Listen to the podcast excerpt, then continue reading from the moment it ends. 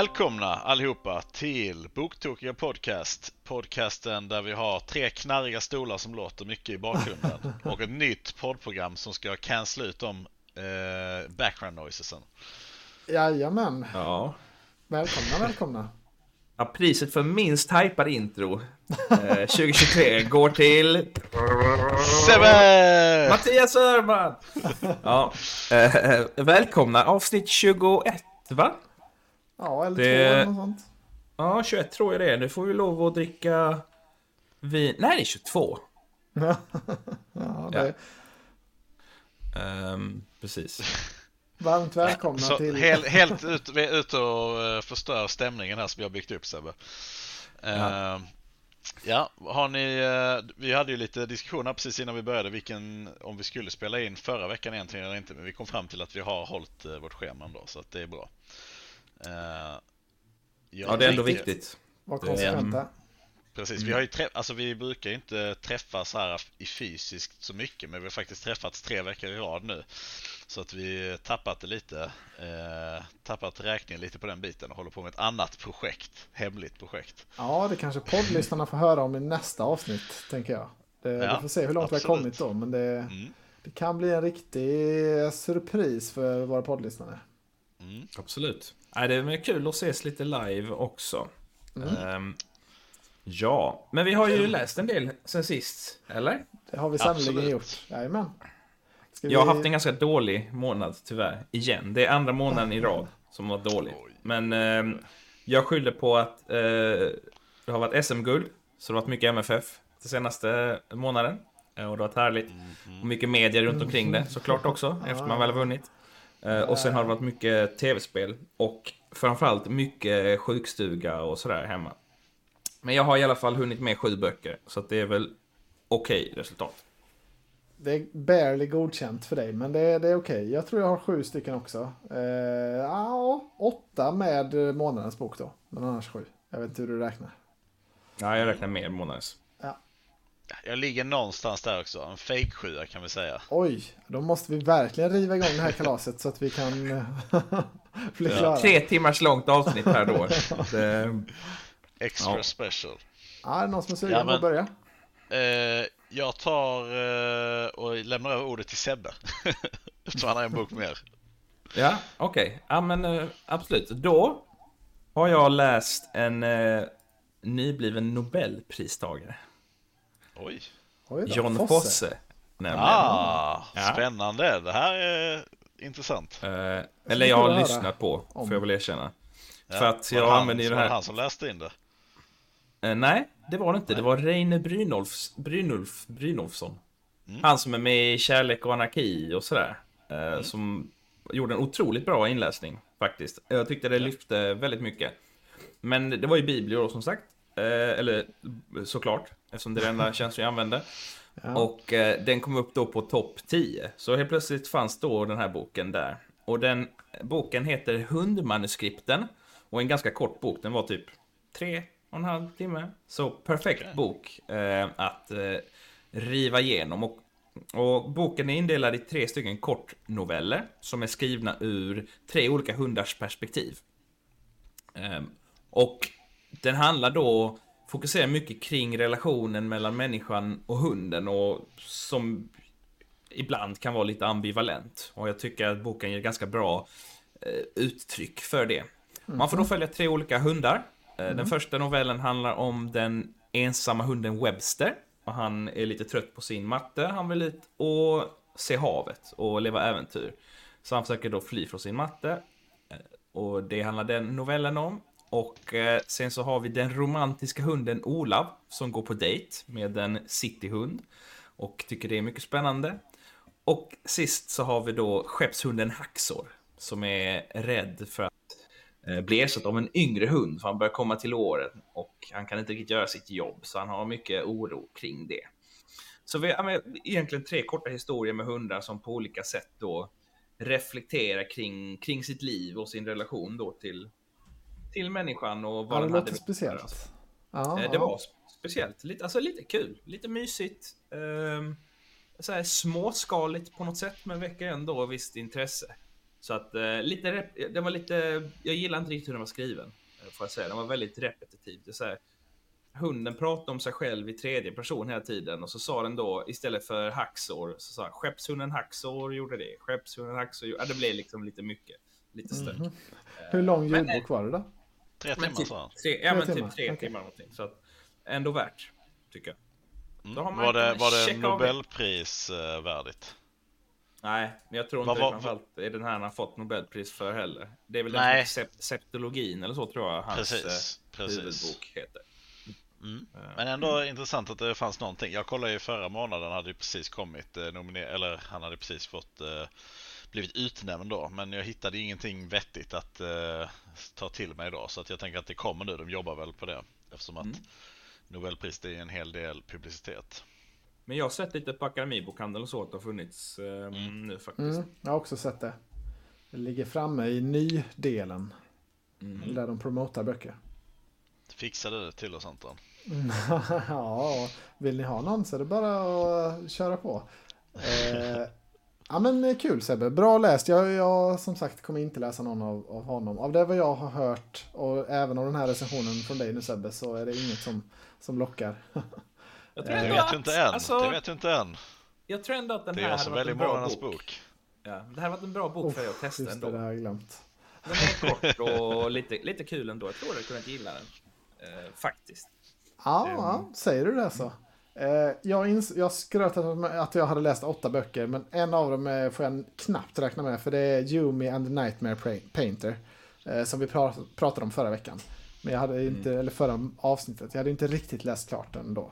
Men nu är jag klar. Brandon Sanderson tyckte den var jättebra. Behöver inte säga så mycket mer om den igen.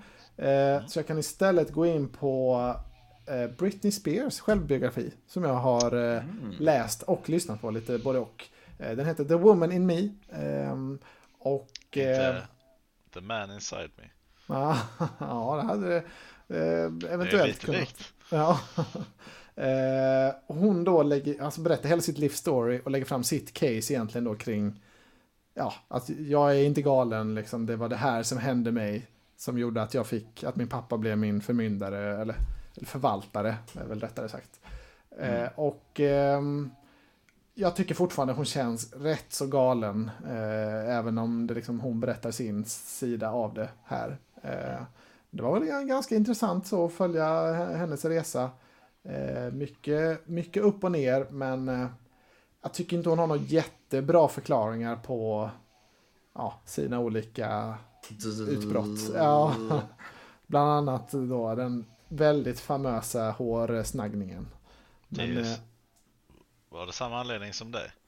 äh, nej, det var nog inte eh, genernas eh, skull som tvingade henne att göra det tror jag inte. Men det känns som att den har varit väldigt omtalad, boken. Mm. Jag Ja. tycker jag har sett flera stycken som har läst den på, på bussen och, och sådär. Att, Jag har fått upp den jättemycket också. Jag var nästan så att jag var inne på att jag skulle, skulle ta den också till den här månaden. Men jag kände att nej, jag är inte intresserad av det egentligen. Så att det blev pass på den. Nej, det är som ett litet snack sådär man, alltså. Det är verkligen inget märkvärdigt tycker jag. Jag har ingen jätterelation till Britney Spears heller sen innan. Men eh, jag tyckte att absolut det var lite kuriöst, lite intressant så. Men det är, det är inget supersnaskigt och det är inga tydliga svar riktigt, tycker jag inte.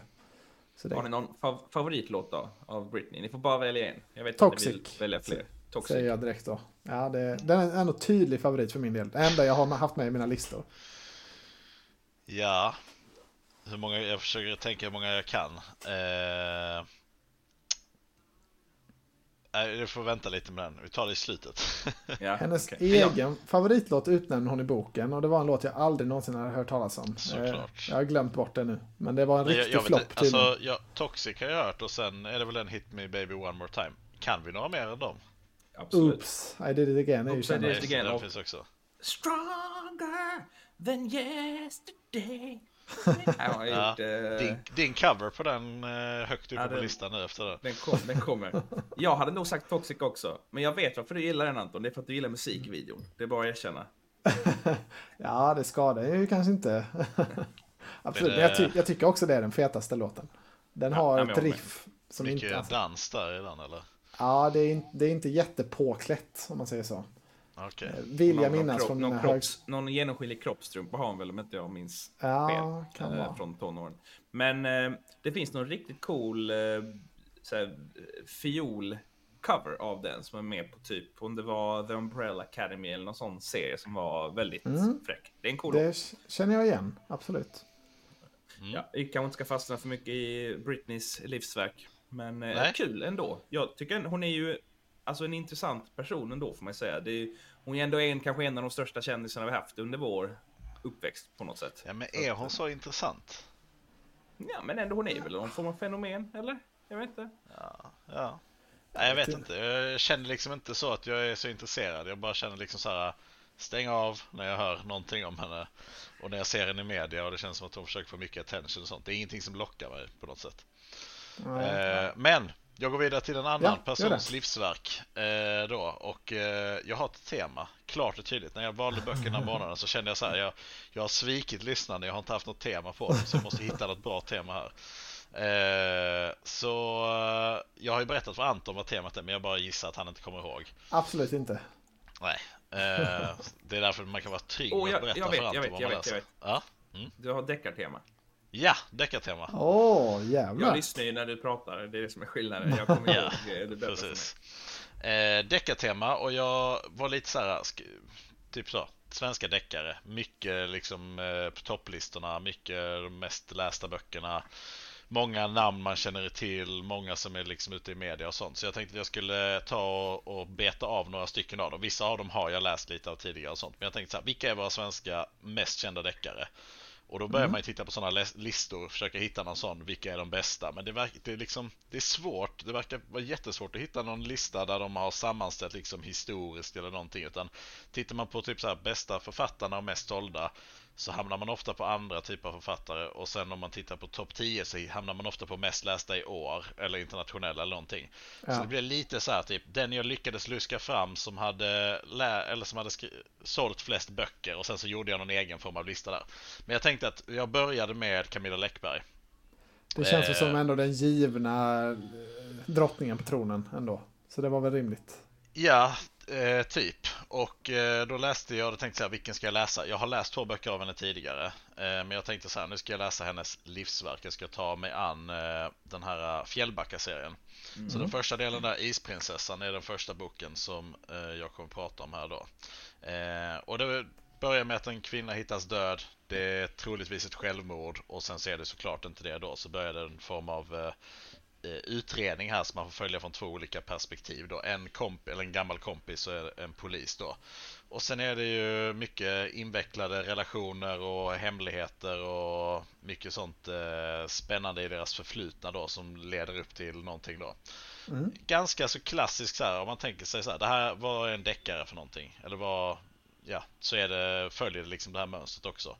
Inget jätte så här, som stack ut jättemycket och jag läste den här ganska tidigt i månaden nu när jag satt och sammanfattade och funderade lite så var det ju verkligen en sån bok som jag hade glömt bort. Eh, hennes andra böcker som jag har läst tidigare kanske jag ska säga är eh, Vingar av glas kanske den heter. Eh, Vingar av silver och En bur av guld heter de. Och de är hennes senare böcker och de är Mm. lite mer så här hämndinriktade. Så jag tyckte faktiskt att de var bättre. Men eh, nu har jag läst första delen i, i eh, Fjällbacka. Och det är en sån serie som man kanske kan plocka upp och läsa en bok av någon annan gång också, kände jag. Så att eh, godkänt betyg men ingenting som stack ut jättemycket. Nej, jag, vet, jag vet att ja, jag vet Ja. att min fru precis har börjat läsa de här också, eller lyssna på dem tror jag hon gör. Eh, Ja. Hon var nog mer förtjust än du. Eh, jag har också läst första för länge sedan. Tycker inte det var speciellt bra. Det var, alltså det var ju inte dåligt men det var inte jätte, alltså det var verkligen så här. okej nu har jag läst den och nu glömde jag bort den, typ så. Eh, det var ingenting som stack ut. Det kommer bättre tips på deckare senare i avsnittet. Ja, Förlåt, jag, jag blev helt sådär. Din fru? Det är Ja. hon, hon är ju det, men jag har aldrig hört dig Nej, det har man- nämna Emma som din fru. jag får Eh. alltid skäll varje gång jag säger något annat. Så det, jag försöker lära mig här. Ja, det var första gången jag hörde det också. Ja. Alltså det är, ju rätt, det är ju rätt i sak. Så, det är svårt att ifrågasätta att, att hon är det. Men eh, Jag såg din chock Sebbe. Ja, ryckte till. det kom inte naturligt för mig heller, utan jag var tvungen att ta sats och liksom vara förberedd och ha det mentalt, ordet långt ja, nu har framme du på sagt det i alla tungan. fall. Nu vet, nu Ja. vet vi alla det. Nu vet alla. Mm. Kul! ska jag, jag kan gå vidare på deckartemat. Jag har också läst Ja. lite deckare. Men ehm, eftersom jag har lite mer raffinerad smak än dig Öre så har jag läst en klassikerdeckare. Och Ja. eh, då har jag läst del 1 i Poirot-serien av Agatha Christie som heter The Mysterious Affair at Styles. Och då handlar det om en, ehm, en man som kommer till, ja, typ till ett gods i en liten stad. Där det bor en väldigt rik eh, kvinna. Och hon har då gift sig med en, en liten yngre, ja, jag tror han var betjänt i hushållet. Men sen har de gift sig. Eh, och det finns såklart mycket illvilja då mot, eh, mot den här yngre betjänten. Och typ hela hennes familj verkar också bo då på det här, eh, ja. Eh, ja, s- inte slott, men alltså. Slott. Ja, alltså någon, någon stort manor. ehm, då. Och sen så eh, går då den här rika kvinnan dör. Och då är såklart frågan Who done it? Och som tur är så dyker då den fantastiska superdetektiven eh, Poirot som för tillfället då bor i den här lilla byn. Han är belgisk. Eh, han känner då huvudpersonen i, eh, eller den som, som boken skrivs ur dess perspektiv då. då. Mm. Så då dyker Poirot upp och försöker eh, lista ut vem som har gjort det. Är han en känd detektiv redan i första boken alltså? Innan det börjar? Ja, han har, han har jobbat innanför typ, alltså polisen i Belgien och så. Så han Okej, blir väl ja. kanske mer känd. Men ehm, han är känd för den boken, alltså den huvudpersonen i boken, han känner till om i alla fall. Sen nu hur, Ja. hur känd han är i övrigt vet jag inte. Men ehm, eh, ja, han involveras i alla fall i affären och det blir en intressant eh, historia minst sagt. Jag tyckte faktiskt den var väldigt bra. Jag lyssnade på en ljudbok också. Den fanns på Biblio. Var det Ehm, författaren som läste upp den? Nej, det var det tyvärr inte. Eh, Men eh, och jag, läste, jag läste den på svenska. Eh, Men Oj, bra. det bryter ju mot dina regler Sebbe. Hur motiverar du men, det? ehm, det var för att den fanns nog bara på svenska. Och, och under alla förhållanden så tycker jag när man lyssnar på ljudbok så föredrar jag svenska också. För Jag att den annars här så... på Storytel på engelska. Ja, den finns. Alltså, det, det, jag påstår inte att den inte finns på engelska. Det förutsätter jag att det gör. Men just när jag lyssnar också så tycker jag det blir lättare att lyssna på svenska. Man kan lyssna på lite snabbare speed. Jag behöver inte fokusera lika mycket. Så att ehm, det är väl förklaringen till den lilla anomalin. Men absolut eh, värd. Eh, och jag ville lyssna på nummer två i serien sen efter. Men så fanns inte den på Biblio. Så det blev inte så. Men, Ja, det är väl, eh, jag vet inte vilken del Orientexpressen och Nilen är, men de är rätt långt fram sen va? Ja, Det är väl, Nilen de, är nummer 18 tror jag. Orientexpressen är typ 10. De är väl Eh, inte men så hemskt anledning att- kända. Tvåan och Nej. trean och sådär. Nej, så är det ju. En dos stryknin heter den på svenska för övrigt. Mhm. eh, nummer ett. Men vi Ja, kanske får anledning att spoiler. återkomma till Death on the Nile eh, senare. Det kanske vi får. Jag, blev, jag, jag tyckte det kändes eh, som ett spännande lit, liten eh, kurios berättelse. Det, alltså, jag blev sugen på att lyssna på den här också. Eh, jag har läst eh, Orientexpressen tidigare, jag tyckte den var bra. Så eh, det kan ju vara kul att läsa den första. Jag har inte ens tänkt Mm. på att, eh, det är en, att det är så många böcker i serien. Innan. Jag tror det är så att man kan, man behöver nog inte läsa dem i ordningsföljd så att säga. Det, och det är ju jag bra. tror det med. Sen, någon, någon eh, krydda ger det säkert. För att man märker, när man lyssnar på senare bokserien så märker man att ibland så hänvisar han då till tidigare cases. Och det är Mm. klart, har man läst dem då så hade man kanske fått ut lite mer av det. Men det är ju inte precis att man behöver ha läst alla böckerna i serien för att kunna hänga med i de senare delarna. Men jag, jag tycker det är kul och jag kommer fortsätta lyssna på, um, på dem. Jag, jag tycker Agatha Christie generellt sett är otroligt bra. Hennes uh, bok And then there were none är ju den bästa uh, deckaren jag har läst i alla fall.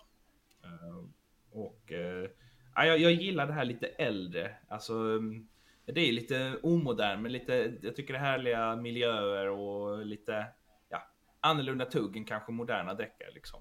Det är lite stryknin och, och knivmord och revolvrar och lite sånt. Ja, det är ju klassiskt av en anledning.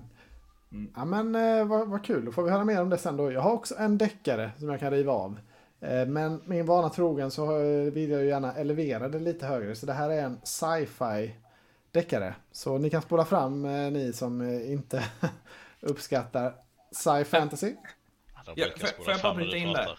Ja, Jag kan, jag kan bara bryta in innan du säger något. Vi, I förra månaden eh, så gjorde jag ju en omröstning. För att För liksom få veta vad tycker våra lyssnare om. Egentligen. Tog vi inte upp det i förra avsnittet? Nej, förra, förra avsnittet var ju vem Han har gjort av en, oss han har gjort som en hade ny bäst. omröstning nu som Ah, ska nej. gagna Ja. honom själv. Nej, alltså inte gagna, utan det är ju... alltså, resultatet blir vad det blir så att säga. Men i alla fall, då frågade jag vilka är er liksom favoritgenrer? Det är väl inte någonting som har med men i alla fall så har jag fått ett svar. Och det är Mm. tydligt i det här svaret. Och då är det då att 40% av våra lyssnare, de föredrar då eh, fantasy. Amen. sen- Har vi 20% som tycker om historisk fiction och eh, deckarkrim. Alltså 20 respektive Eh, 20. Napoleon-boken som spökar Eh, där. och sen 10% som gillar drama, 10% som gillar sci-fi. Amen, Det är gud. 0% som gillar non-fiction och 0% som gillar romance. Så att Jag jag älskar jag plötsligt våra lys- lyssnare. Ja. Det, fin- det finns täckning för att prata betydligt mer Åh. fantasy än vad vi gör idag. Fan vad härligt. Jag har mycket fantasy till er, det kan jag lova sen eh, efter det här. Men vi börjar med en, en sci-fi.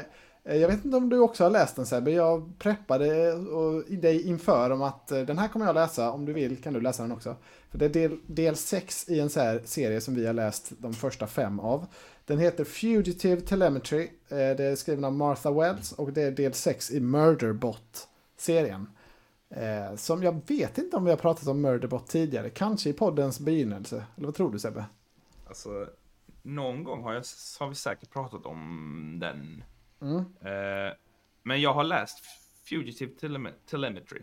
Jaha. Eh, men det, det kom Har väl du- en ny? Ja, du har kanske läst den innan. Ja, det har kommit en ny. Ja.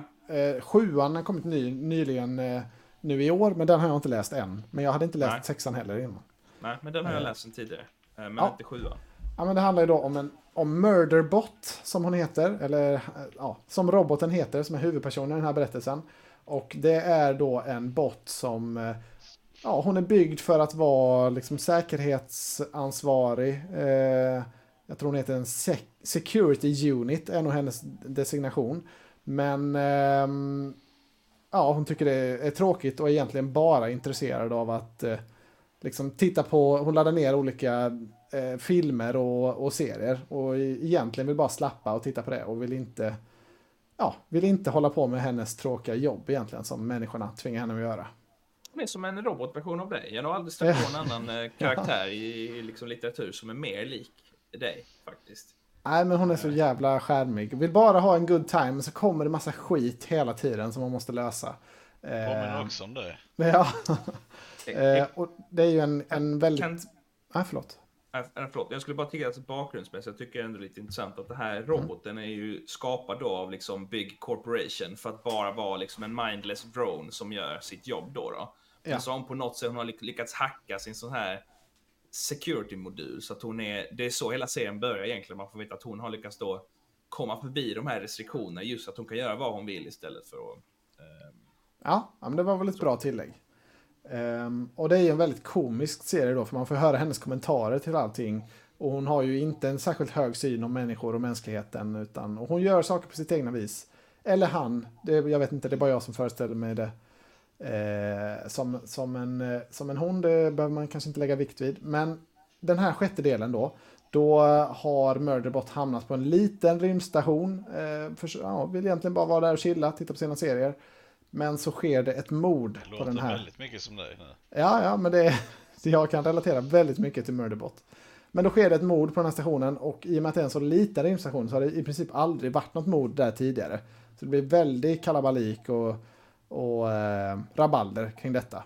Och så dras eh, Murderbot in i det och eh, ja, tvingas liksom hjälpa till och utreda för att inte, inte hon själv ska hamna i skiten. Då hon genast blir misstänkt då som en Eh, eftersom, ja, eftersom att hon är en, en sån här murderbot. Och eh, ja, det är ju liksom kortnoveller, de här böckerna. De är typ 130 sidor kanske, eh, de flesta av delarna. Så det går väldigt snabbt att läsa igenom dem. De är väldigt skärmiga, trevliga. Jag tyckte inte den här delen var den bästa i serien, långt ifrån, men ja, alltså det är väldigt trevlig läsning. Gillar man sci-fi och lite humor i sina böcker så är det verkligen en, en serie som är lätt att rekommendera, tycker jag. Jag håller helt med. Det var väl en del tror jag som var full, full size. ehm, Ja, jag tror del. 5 var lite eh, en större berättelse. Som var mer som en riktig roman. Men annars, den här har ju lite speciellt, eh, lite speciellt plats i mitt hjärta. För det här var ju första boken vi läste med den här eh, bokklubben på Malmö stadsbibliotek. Som har, Ja, mm. tror jag, sitt sista möte, eventuellt någonsin nu i nästa månad. Men då började hela vår, eh, vårt deltagande börjar ju med Murderbot. Så att, är väldigt kul bok. Väldigt lättläst, väldigt lättsmält. Eh, men framförallt, ja men Mm. härlig. Ni 10% rekommendation. som gillar, gillar sci-fi kan eh, hoppa på den. Ett starkt tips från både mig och Sebbe då. Absolut. Mm. Och sen kan ni också gå in och rösta på Vem har störst bekräftelsebehov eh, omröstningen som Sebbe ska lägga ut till sig själv också. Det blir det detta avsnittet. Till det nästa här var väl ingenting med bekräftat. Det här var väl in, alltså, intress, alltså, intressant att veta vad folk tycker om, eller? Nej, det är en för er. Uh, ja. ja, men jag behöver inte säga så mycket mer. Vi kan rulla vidare till nästa bok. Är det Sebbe eller jag? Det är du. Är det jag? Okej. Då tar vi den eh, nästa deckare då. Den som jag gillade minst av dem jag läste. Och det var Lisa Marklund. Eh, och hon har skrivit boken Sprängaren som jag lyssnade på. Den har även filmatiserats så jag såg också filmen efteråt. Eh, och det är en bomb som sprängs på Olympiastadion i Stockholm där man ska ha OS. Och sen så får man följa Annika Bengtsson som är reporter. Och hennes typ utredning, fast det är inte från ett polisperspektiv utan det är från ett journalistperspektiv istället i den här boken. Eh, och hon var ju ganska tidig, jag tror den här boken kom 97 eller 98, så att en av dem lite tidigare, eller före de andra. Så att jag förstår, för den har blivit väldigt eh, stor och känd och jag förstår lite för den kanske var före sin tid. Men den är väldigt linjär om man får quota en annan och vara kompisar. Eh, och eh, den, det är liksom inte det här att man kan spekulera så jättemycket och, och fundera över saker. Utan det är väldigt mycket så här, man får följa henne i hennes tankegång och hennes tankesätt och hur hon kommer, kommer fram till grejer och hur hon investigatar. Och oftast är det väldigt mycket eh, att hon är väldigt grym och hon bryter lite mot regler och hon kör sitt eget race vilket gör att det, eh, ja, hon, hon kommer fram till saker som man själv kanske inte hade kunnat lista ut. Så att eh, det var nog den jag tyckte minst om. Det var inget spektakulärt och den var väldigt eh, lätt att glömma bort också efter man hade läst den. Ja, jag Så- tycker inte man hör så himla mycket gott om... Man vet att hon är väldigt känd, Lisa Marklund, men det är väl inga... De är väl inte superhyllade riktigt, hennes, hennes böcker. Så. Nej, det var ingen, eh, ingen jättestor eh, läsupplevelse. Så att, den kan man skippa. Ja, intressant. Då skippar vi den. Ska vi skippa det också Sebbe, eller vill du hoppa in? Nej, nej det är just Lisa Marklund. Jag vet inte, för mig är det bara, jag, jag, för mig, jag tror min mamma läste den när jag var barn. Så för mig är det bara ett namn. Liksom. När jag Ja. tänker på deckare tänker jag på Lisa Marklund. Jag har liksom ingen aning, och, Sprängen, liksom namnet känner jag igen. Jag har aldrig läst den, jag vet inte vad den handlar om. Men den, den känns lite kult på något sätt liksom. Så det, är väl kanske just för att den var först av alla. Mina föräldrar Eh. hade också Lisa Marklund i, i hyllan, det minns jag. Jag, jag kan verkligen tänka mig att hon var lite så här först ut med den här typen av böcker och sånt. Det var... Man liksom bara glider med. Ja. Mm. Mm. Ehm, eh, jag, jag fortsätter väl då. Jag har läst en till bok av Agatha Christie. Och det är då, som ni kanske förstår, Death on the Nile, som jag nämnde den innan. Ja, Surprise, ja. surprise. Det är sagt bok 18 då. Och det, den boken handlar om, det finns en, ja, en kvinna, hon har allt. Eh, hon är rik, hon är snygg, hon är eh, smart och duktig, allting så att säga. Ehm, och hennes bästa kompis eh, behöver hjälp av henne för att hennes man har då, eller blivande man, har eh, fått sparken från sitt jobb och han, han behöver då ett jobb så att de flyttar hem då till hennes eh, residens eller vad man ska säga. Eh, men och då visar det sig att den här då rika, snygga, vackra, fantastiska kvinnan. Hon vill då ha hennes bästa kompis man och hon är van vid att få precis det hon vill ha så att hon tar det såklart. Mm, just det. Så, så det är liksom det som är backstoryn till det hela. Och sen så åker de iväg, ska åka på smekmånad. Och då ska de åka på smekmånad till Nilen. Och det här var ju under tiden som Egypten var en del av det brittiska imperiet, eh, som jag förstått det.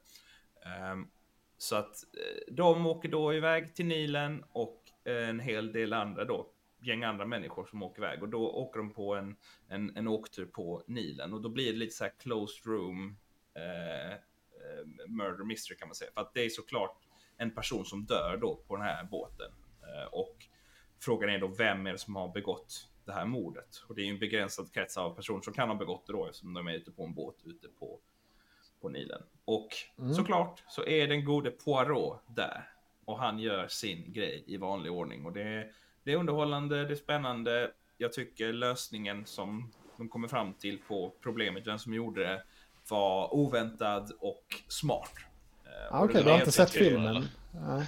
Nej, jag har inte, jag har inte sett filmen. Så att, uh, jag var jättenöjd. Jag tyckte den var bättre än bok 1. Men, mm. Ja, mm. Eh, intressant att höra. Den är, den är väl den näst mest kända efter Orientexpressen. Hade väl... du tänkt att se filmen efteråt? Jag gillar ju att se filmatiseringen för att jämföra lite. Jag har inte tid att kolla på film. Varje gång jag kollar på film så somnar jag typ. Det enda jag har tid för att kolla på det är Robinson. Annars är det... det säger en hel del om finsmakarna. Annars är det ja. böcker som gäller. Alright, Anton. Vad har du till oss? Alright, ska vi ta någon mer fantasy nu då? Eh, jag vet inte var jag ska börja någonstans, men jag, vi kan ta en bok som jag har läst inom citationstecken. Eh, det är lite av en, en coffee table-bok kan man säga. Eh, den heter Harry Potter Magisk handbok. Eh, som jag såg i Akademibokhandeln och blev så Oj, vad är det här? Det här måste jag ha. Eh, kände jag. Eh, och så fick du den gratis sen då? För ja, det är ett recensionsexemplar som vi har fått då. Väldigt tacksamt eh, för att göra en ärlig recension. Eh, men vi är, jag och min fru är ju stora Harry Potter-fans. Och det här är då, ja, det står att det är den officiella liksom, kompendiet till Harry Potter-serien. Och jag tänkte kanske att det skulle vara lite typ så här, men man läser böckerna och sen så typ så här kommer det, alltså om man läser första boken så den här första boken, den här handdel, i, i handboken så är det lite ja, men extra kuriosa liksom och sånt kopplat till det man precis har läst. Men det är inte riktigt så, utan det är, det är verkligen en coffee table-bok som är bara olika uppslag. Det är ett uppslag med Hagrid liksom, och så är det allt, all information om Hagrid. Eh, sen är det ett uppslag typ om eh, trolldomsministeriet. Och så, eh, och så är det illustrerat då med, med vackra bilder. Eh, det är um, tyvärr inga bilder som rör sig av sig självt. Lite av en besvikelse. Men uh, alltså det, det, är sju olika illustratörer och vissa av dem är skitsnygga verkligen. Vissa är väldigt simpla och tråkiga. Så det är lite varierande kvalitet. Men uh, det är liksom ingenting att läsa egentligen. Utan det är, det är bara... Den är väldigt snygg att ha, boken tycker jag. Den är snygg i hyllan och det är liksom lite kul att bläddra igenom. Man får lite fakta om uh, nattbussen och ja, massa olika Harry Potter-relaterade grejer. Men eh, det är, ja, det är ingenting man kan sitta liksom och, plöja igenom utan man kanske kan kolla två minuter då och då. Se något lite kul. Eh, quizza min fru lite om, om någonting jag, jag, intressant jag läst. Men eh, jag tänkte att, faktiskt att jag skulle göra en YouTube-video om, eh, om den här boken så man får se lite mer vad det är. Mm. För det är svårt att beskriva i, i poddform. Men så det kanske kommer där. Det blir nog närmare jul har jag tänkt. Eh, lite jultema på den. Men eh, så om man är intresserad så kan man, eh, kan man kika där. Mm, mm, kul. Mm. Det finns länk i avsnittsbeskrivningen i vårt eh, länkträd om man vill eh, hitta YouTube eller andra poddar eller sånt kan jag säga. Och då var det, det jag igen. Jajamän. Oj, oj, oj, nu går det snabbt. Eh, yes, då tar vi Kristina Olsson. Eh, vet du vem Kristina Olsson är? Nej. Det är min mammas namn innan hon gifte sig. Men jag tror inte ja, det är hon. Det är hon faktiskt. Hon är hemlighet, har skrivit böcker. Nej. Eh, Kristin Olsson är ju, skriver framförallt barnböcker. Så att hon har skrivit väldigt mycket så här spänn, spännande böcker. Eh, som är väldigt populära hos barn. Eh, och eh, det är en författare som jag har läst mycket i mitt jobb. Eh, men hon har också skrivit böcker på senare, ja senare och senare. Hon har skrivit den här boken 2008. Det är första delen i hennes eh, deckare som riktar sig till vuxna. Och eh, då heter den Askungar. Mm -hmm. De är lite mer lätta, lättsamma, lite mer flyt och de känns lite mer realistiska eller vad man ska säga. De andra böckerna är lite så, ja, ni vet hur det kan vara i deckare. Man hittar på många komplicerade grejer och man hittar på att det är OS i Stockholm och sånt Lisa. Eh, så att det, det var lite så, den här är lite mer simpel. Det är ett, eh, ett eh, inte ett mord, men det är ett kidnappande på ett tåg. Lite eh, taget kanske från en annan författare vi har pratat om. Eh, men eh, sen så får man följa den här eh, investigation då och pappan blev misstänkt. Och eh, jag tyckte att det var ganska bra skrivet och ganska bra flyt och sånt men det var, den var bättre än eh, jag tyckte den var bättre än Lisa Marklund men ungefär som Camilla Läckberg. Så att eh, om man vill ha något lite mer lättsmält också som ändå flyter på men som ändå är igenkänningsfaktor för det är liksom i de miljöerna som man ändå har varit i kan man läsa den här boken. Inte så jättemycket mer att säga om den.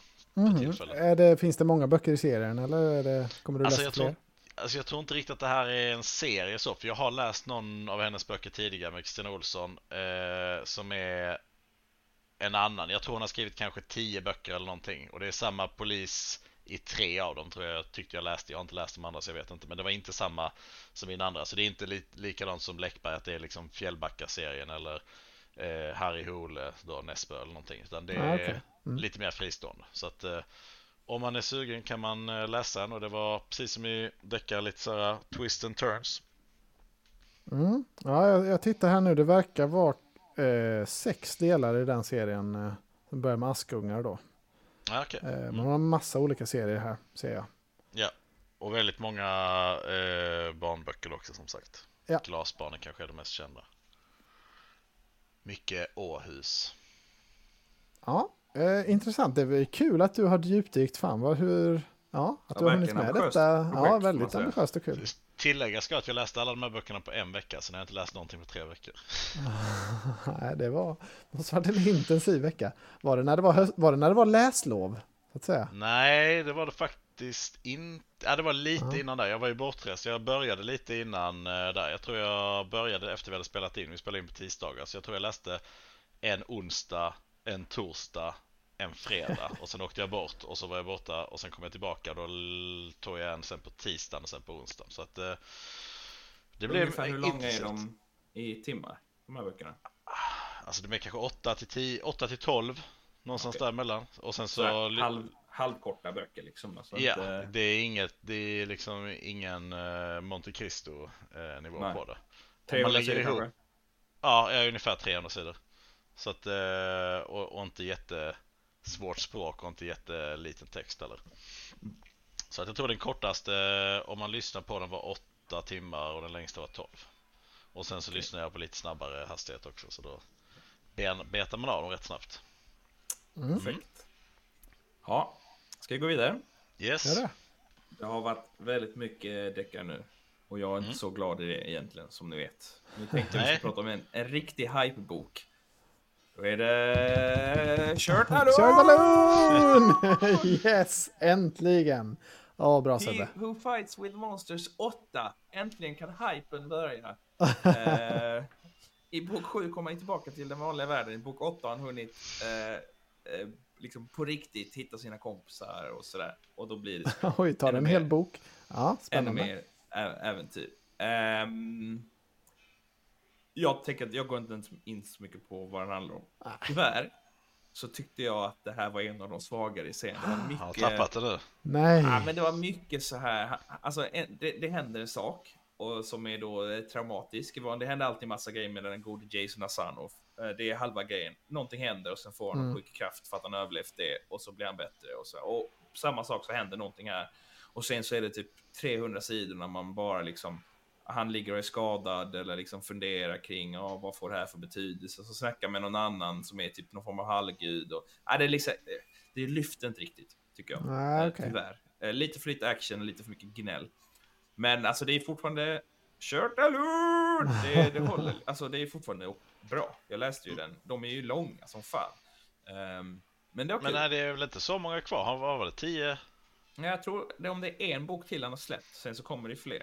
Men jag tror sen är det slut på Shirt Alone. Ja. Det... Då får Anton ta över taktpinnen. Ja, precis. jag har faktiskt läst del 5 också. podden Det är ja. länge med om Guillou nu så vi får ändra. Ja. ja. Jag har läst femte boken sen senast. Jag tyckte den, eh, tvärt emot dig Sebbe, att det var skitbra igen. Eh, Mm. Jag är ju tillbaka då på vår jord där jag är i, i serien. Men eh, nej, den här femte delen var riktigt bra igen. Så jag är taggad på nästa. Tänk att du har gått runt och liksom inte velat läsa det här för att du varit orolig. Så Ja. det var inte så här bra hela tiden. Det var, det var Eh. tur att du övertygade mig Sebbe. Mm. Tur att vi har en, en riktigt Shirtaloon-fan i podden som drar i det. Ja, en, jag skulle säga att jag är en Shirtaloon-konnässör. Ja.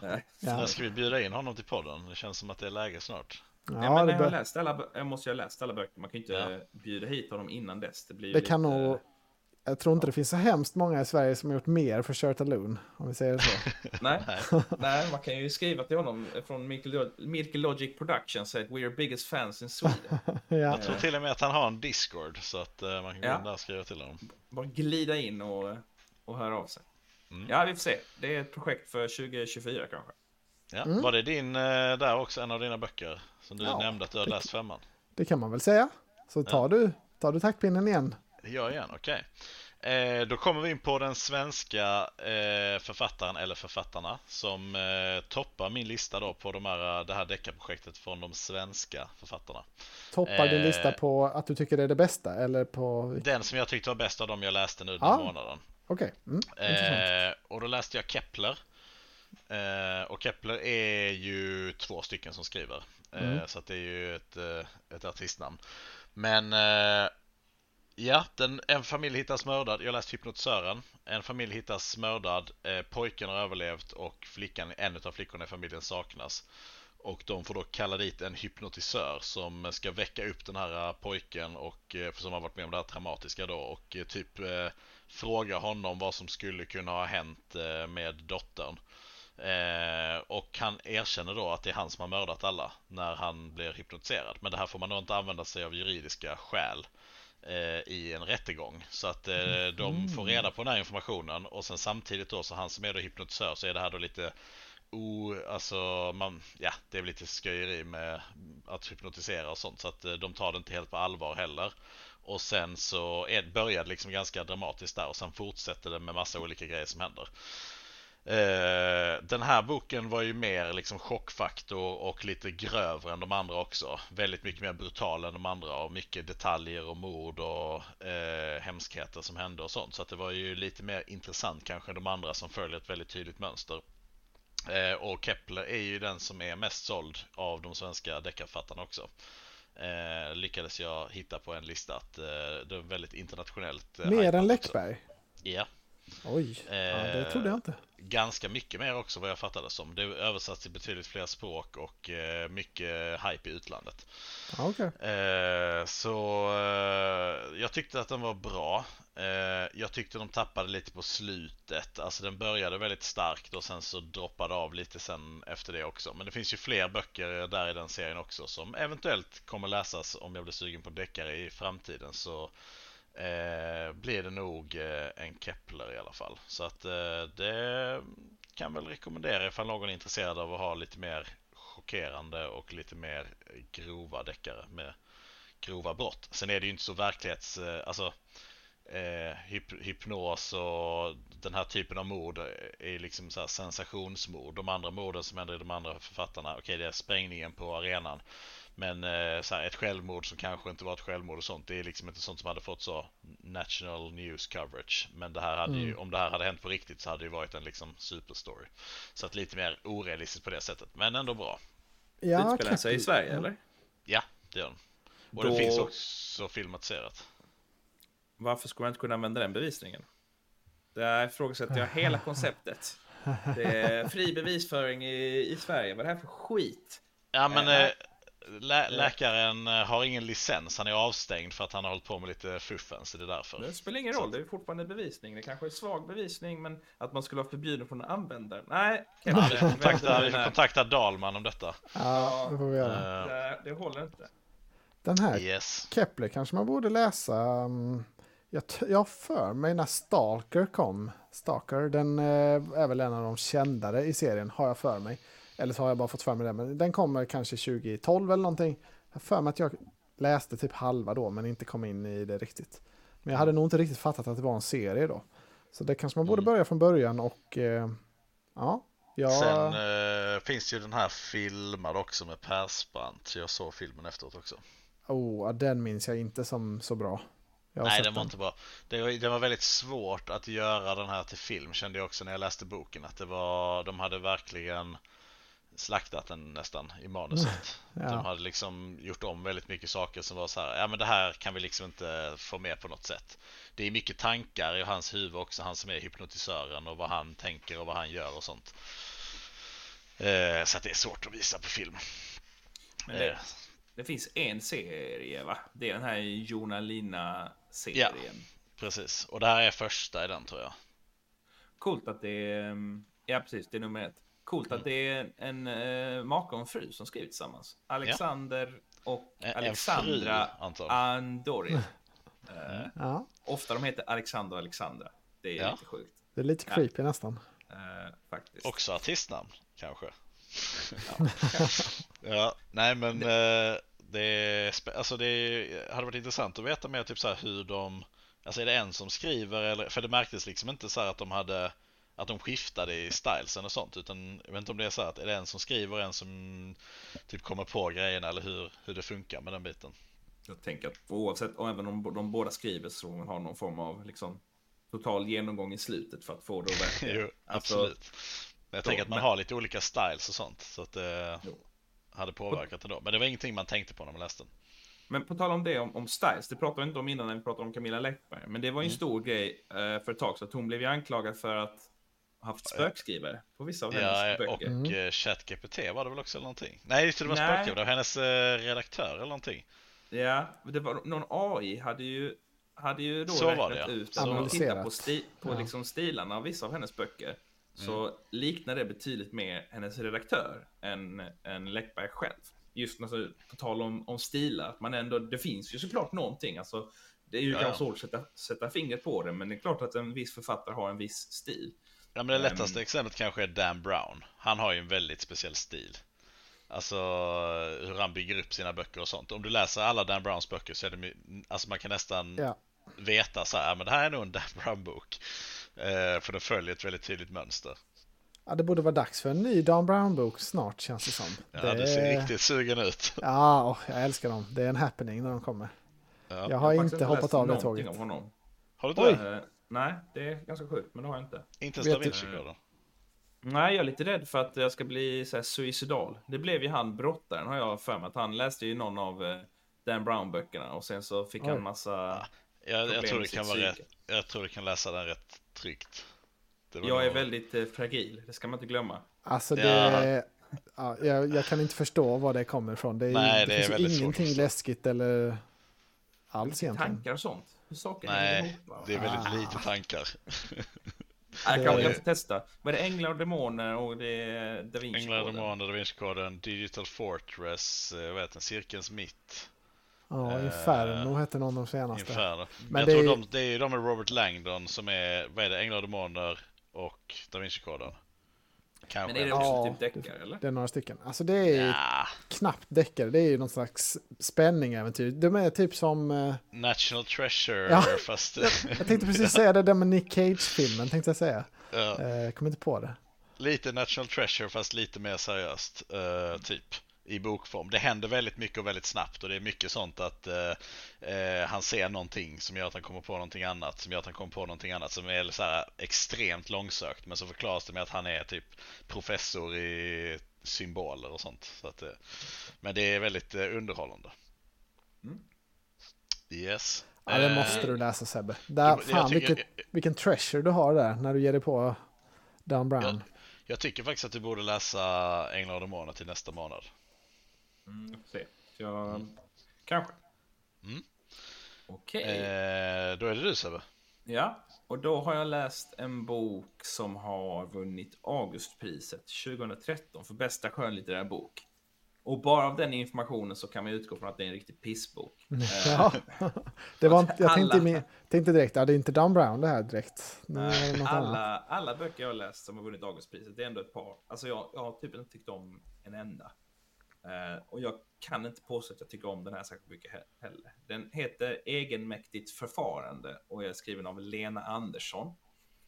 Och det är en bok som i allt väsentligt är det en bok som handlar om kärlek och om hur vi människor själva liksom bedrar, alltså bedrar oss själva i vår önskan att bli älskade. Eller vad man ska säga. Eh, det handlar om Ester. Hon är poet och författare. Eh, väldigt intelligent sådan. Eh, lite trist kanske, men som lever då i en väldigt trist relation. En dag så får hon då ett uppdrag att hon ska hålla ett föredrag om en författare som heter Hugo Rask. Och det leder då till att hon får träffa den här författaren i frågan, i fråga då och blir eh, blixtförälskad. Eh, och eh, författaren visar även då intresse för henne. Ehm, men det visar sig då att en av de här två personerna, jag ska inte avslöja vem, men ni kanske kan gissa, är mindre intresserad än vad den andra är då. Och, det handlar då mycket, boken handlar väldigt mycket om huvudkaraktären då, eh, henne, hur hon liksom hanterar ångesten och tvivlen då som den här liksom, kärleksrelationen leder till när hon inte får den bekräftelsen som hon behöver liksom för att då bekräfta att de är där hon vill att de ska vara i relationen och så. Så det är, det är mycket liksom så att ja, men hon, är, hon är ledsen och deppig över att det inte går som hon vill och sen så händer någonting och så får hon upp hoppet lite grann och sen så blir det, alltså mycket Mm. sådär fram och tillbaka, liksom ett, ett studie i liksom i eh, besatthet nästan och i kärlek och liksom känslan av att inte räcka till och, och rädslan för att inte då få det man, man vill ha. Ehm, hon är ju då i boken filosof, så det är ganska mycket snack om filosofi och så här, vilket jag tycker är lite intressant. Fan. Men eh, det låter, jag, jag, Anton hade tyckt det var en mardröm. Ja, Jag ly- lyssnade på den som ljudbok. Den är bara till fem och en halv timme lång, så det var ju bra. Det talar ju för den. Eh, det är författaren själv som läser upp, vilket brukar vara bra. Förutom om man som i det här fallet är jättedålig på att läsa upp böcker. Hon är så otroligt monoton och tråkig röst. det kanske är poängen. Eh, Det, det, det skulle eh. kunna vara ett stilgrepp kan jag tänka mig med den här det, det, det typen kan av vara så, för man, alltså, jag, jag tänker mig att, att personen som det handlar om, som är då filosof och så här, hon kanske Mm. pratar så. Hon kanske är så tråkig. Eh, Men det var inte så kul att lyssna på. Det var liksom inga, inga känslor, ingenting, utan hon pratade så här hela tiden i samma ton i princip och så händer det någonting och sen så händer det någonting till och så blir det inte så kul och så fortsätter det så här tills man inte orkar lyssna någonting mer. Och, ja. Nej, om man då jämför det med, med Reine Bryn, Bryn, Brynolfsson. Br- Brynholtsson, är som läste upp hundmanuskriften som verkligen var typ så här. Han gjorde liksom hundljud och man liksom hörde i hans röst att nu blev hunden glad, nu blev hunden ledsen. Alltså ingenting sånt. Så att eh, Lena Andersson, om du lyssnar på det här. Du är säkert en jättebra författare, uppenbarligen. Du har vunnit eh, pris och sånt. Men håll det till skrivandet. Låt, någon annan, låt Reine Och även Thomas. Bolme måste man slänga in där också. Tom, Thomas kära- Bolme, hade, hade Thomas Bolme läst Egenmäktigt förfarande, då Mm. hade jag suttit och gett en fem av fem stjärnor nu, det kan jag säga. Eh, Och han hade antagligen lagt in något mordmysterium också i det bara för, för att liksom. Så att, eh, nej. nej Men jag såg, på tal om Augustpriset där, att samma år då, 2013, så vann ju då Bea Usmans bok Expeditionen. Om jag ska säga lyfta en bra bok som eh, faktiskt eh, har vunnit Augustpriset. Mm. Ja. Ja. Men vi, och vilken kategori då? För det här var bästa skönlitterära bok, så det, kan, man- det kanske är det som är piss. Fackklassen då, den enda riktiga, Ja. viktiga då. Enligt våra lyssnare. ja, det är viktiga för Mm. 0% av lyssnarna. Mm. Ja, men Nej, kul mig. Sebbe. Ehm, något av en tjejbok om man får lov att säga så. Alltså Mm. väldigt mycket fokus på relationer och inte så mycket action och sånt. Det kanske för tjejbok, men, men Ja. ja. inte en bok för Anton. Nej, det låter inte som. Eh, men en bok som är för mig och en bok som är för podden, vad man ska säga, det är lite full circle har vi gått här nu. För det, jag har läst Nordiska väsen av Johan Egerkrans. Och Egerkrans var ju då i avsnitt nummer ett den första boken som vi hade i eh, bokklubben. Så det är kul att eh, återvända. Då handlade det om drakar, den här gången handlade det om Nordiska väsen. Och även detta är ju lite av en coffee table-bok. Eh, Alltså det är ju det är ingen berättelse eller någonting, utan det är, det är mycket vackra illustrationer och sen är det lite fakta då om ja, olika nordiska väsen genom historien. Eh, Så typ så här, ja det är då två sidor om Näcken. Då har han målat Näcken och sen så är det lite fakta. Så, ja, man kan sätta en, en kniv vid, vid kanten på, vid sjön så håller man Näcken borta. Och, och sen är det en eh, sida om, om eh, to, tomtar, typ eh, trädgårdstomtar. Och sen är det vittror och sen är det eh, havsjungfrur. Och det, är- ja, det är liksom massor av olika trolltyg och oknytt som man har trott på här i Norden. Ehm, ganska intressant så. Absolut ingenting som är kul att läsa i ett streck. Utan det kan Visst. vara så här. Har du läst hela? Jag har läst det hela, ja. Kommer du ihåg saker från den? Ah, nej, alltså det är väldigt mycket man blandar ihop liksom. Det är ju... Det blir bara staplas på. Det är likadant med drakarna Sebbe, jag vet inte hur mycket du minns av dem. Men där, där gick han ju igenom en 50-tal olika drakar kanske. Eh, Mm.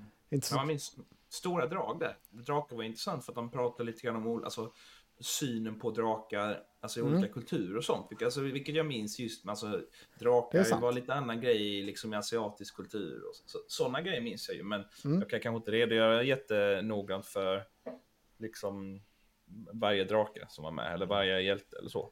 Ja, men lite så är det här också. Det är stor skillnad mellan då Norrland till exempel och... eh, Ja, Jag, vet, jag tänkte, har de några... För samis, eller samerna har ju mycket olika väsen och typer som inte eh, vi har så mycket här nere. Om du kommer ihåg någonting för det. Men det gör det nog inte. Eh, jo, men det, det, det finns absolut med. Och det finns också med alltså, olika namn. Alltså till exempel då Näcken tror jag hade 9-10 olika namn som det benämns under. Och då är ofta något av dem samiskt då, eller eh, vad deras språk heter. Eh, Och eh, ja, men jag, jag tycker det här liksom är trevligt att bara ta fram och läsa. Alltså det är lite som att strösurfa på mobilen typ. Man kan läsa om två stycken lite snabbt så här, ja intressant. Men ska man sitta och trycka det är det nog inte så himla kul, tror jag inte. Nej. Bara få komma, alltså det, det är mer, mer lite små, ja, små förströelse. Mm. Väldigt vackert tecknad också. Erik Krantz är kung tycker jag. Eh, det finns på vår YouTube-kanal om man vill se när jag recenserar en annan av hans, hans böcker. Mm. Mm. Då kör vi min sista deckare då. Och Ja. då gled jag ifrån min princip med svenska författare och halkade in på Jo Nesbø. Åh, Eh, Äntligen. ja, och eh, jag sparade honom till sist för, både på grund av det, men jag tyckte också att det var den bästa, eller kanske mest unika. Jag har läst två böcker av honom tidigare, jag har läst Huvudjägarna och Snömannen. Eh, men nu tog jag hans första bok, Fladdermusmannen. Mm. Eh, och då är det ju första delen i Harry Hole, eller Harry Hole som det hette på när de gjorde en filmatisering av den. ja. Eh, och här är han i Australien och eh, det är en seriemördare. Eh, så att eh, den här kändes liksom lite mer typ Ja, alltså vad ska man säga? Den liksom, han har ju skrivit från olika ställen och det varierar sig betydligt mer än vad jag kände att de andra kanske gjorde. Så att eh, jag tyckte den här var mer fång, alltså den fångade mig på ett annat sätt och jag tyckte den var bra tempo och sånt också. Lite mer fokus kanske då på karaktären som är detektiven då och hans alkoholism och hur det går, hans motgångar och hans personliga liv och sånt. De andra var Mm. inte så jättemycket det utan det var mest liksom att här är eh, den personen ni ska följa. Eh, den personen är inte så jätteintressant. typ så. Eh, ni ska bara ha den här point of view från eh, den här andra personen. Men här var det lite mer karaktärsbygge. Att, eh, Man tänker att det borde vara rätt vanligt ändå. Alltså det känns ju som en trope lite att det ska vara den polismannen som har egna demoner. Liksom. Ja men de hade ju lite, alltså om man tittar på, på Fjällbacka nu så, så den serien där, nu, började, nu var ju polisen som var med där men det var ju mycket utav den utgick ifrån en barndomskompis som kände den här personen då för att de sa att den hade begått självmord så då fick man följa lite mer från det spåret. Sen så kanske de vävde in då polismannen mer senare, det vet jag inte i de kommande böckerna. Och i Sprängaren så var det ju en journalist istället så då var det lite det att man fick följa en journalist istället för en, eh, en polis. Eh, och i Kepler så var, eller ja då var det ju en, en hypnotisör men sen så var det ju han här andra polisen då också men han hade liksom inte huvudfokus i, i själva boken.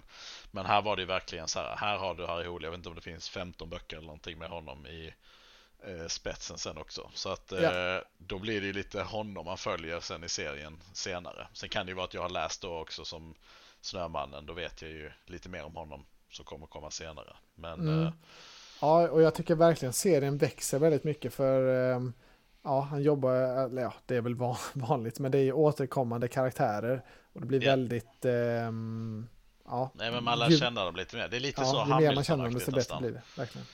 Eh, lite så att eh, man har följer en person och det är olika uppdrag och olika som i Hamilton då eller olika investigations så man vet liksom vad man har karaktärerna så då kan man mer liksom sätta igång direkt. Ja. Så att eh, Nesbø, bra. Ja, det, och sen är ju USPen lite med Nesbø också, det, det handlar ju alltid om seriemördare. Eh, det ja, är ju liksom och det, det är ju också en sak som sticker ut som verkligen gör att det blir mer intressant för att när det bara är ett mord ibland är det så här, du vet, oh det var ett mord, eh, det var en olycka för två personer som hade känt varandra tidigare, hade haft någon relation eller sånt här. Det är bara liksom, ja okej, okay, ja. Ja. Då, då löste vi det. Men när det är seriemördare så är det mer så här uttänkt, lite mer studerat, detaljerat. Eh, så här, det finns liksom en, en, eh, en ondska bakom det, eller en antagonist som styr i bakgrunden som man jagar. Och det gillar jag mer. Ja, det gillar jag. Ja, jag, Nesbø är ju min verkligen eh, go-to när det gäller deckare. Det är min favorit. Mm. Vad kul, hoppas du kommer läsa fler. Ja, kanske. Yes. Sebbe. Ja, kul. Har du läst någon av dem Sebbe? Nej, jag har, jag har inte det. Jag läser Nej. bara klassiker. Ja. när det gäller deckare. Och sci-fi deckare kan jag tänka mig att läsa också. Ja, det är bra. Eh, min sista bok då är faktiskt samma författare som gjorde årets bästa bok förra året, enligt mig. Eh, Nicolas Lunaba. Förra året så utsåg jag ju hans... Ska du verkligen hans... säga att det är årets bästa bok? Nej, för, förra året sa jag ju det. Ja, men äh, gjorde du det? Shit, ja. crazy.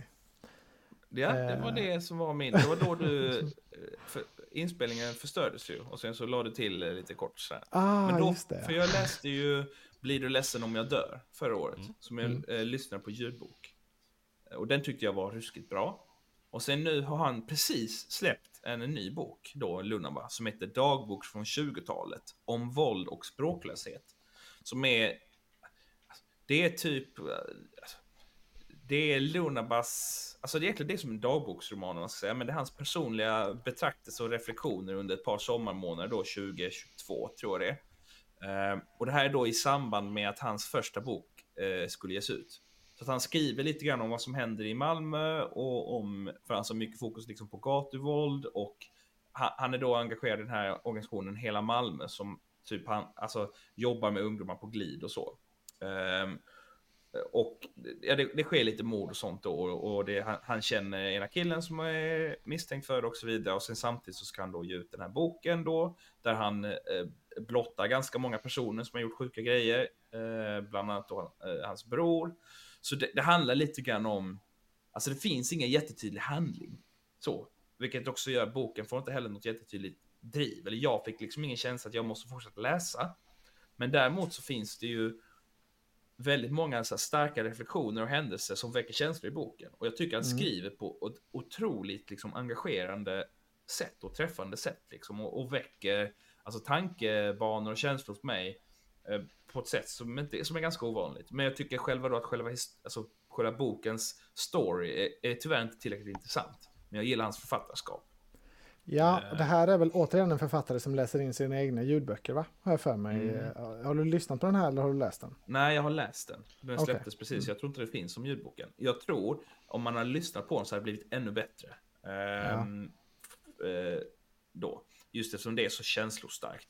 Det är mycket politik också eh, i det. Och han, han, han liksom pratar just om, eh, alltså, egentligen om, om, om, om de här, alltså vågen av liksom, hur man ska hantera de här problemen. Liksom. Alltså, det är mycket fokus på, på repression, det ska vara hårdare straff, det ska vara liksom eh, se till att, så här, att de som gör det här hamnar i ännu mer utanförskap. Man ska säga. Liksom, det, det är bara straff som gäller. Medan hans uppfattning är väl att det kanske inte är det som är problemet, utan snarare som de problemen vi har handlar mer om att vi har fått ökande, liksom, ökade klyftor, utanförskap och liksom en desperation i orten som tar sig uttryck då på ja, man måste sälja knark och så. Så han har liksom en samhällsanalys som jag tycker är väldigt intressant och som jag dessutom mm.